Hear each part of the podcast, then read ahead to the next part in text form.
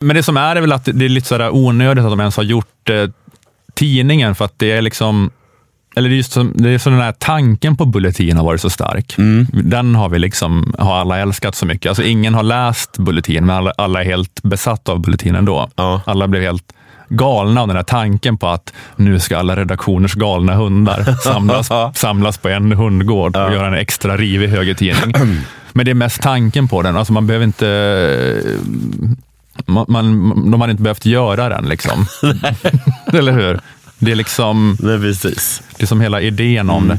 Så är det med mer och mer nu för tiden. Tänkte på nya Saltkråkan. Det behöver de inte göra heller. Nej, Vi- var, vi- idén var underbar. Idén var underbar och vi har fått ut allt vi kan få ut av den. Vi bara ballade ur i så här ett, en åtta timmars nyhetscykel av hysteriskt kulturkrig.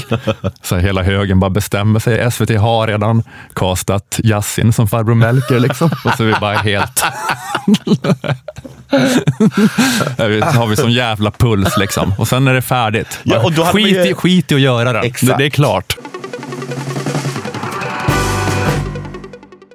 Okej, det här var ett litet smakprov. Köp en prenumeration för 29 kronor i månaden på underproduktion.se stormens utveckling om du vill höra hela detta avsnittet. Plus alla tidigare prenumerantavsnitt, plus alla kommande. På underproduktion finns också instruktioner om hur du lägger in prenumerationsfeeden av Stormens utveckling i din poddapp, vilket är att föredra för smidigt lyssnande, även om det såklart går att lyssna direkt på webben också. När du har klistrat in din premiumfeed i till exempel Podcaster eller vilken app du använder så får du då i alla fall i din app upp en feed som inte heter gratisfeeden inom parentes utan den heter bara Stormens utveckling. Och i den filen finns då alla avsnitt av Stormens utveckling, inklusive gratisavsnitten. Så du behöver endast eh, den filen. då.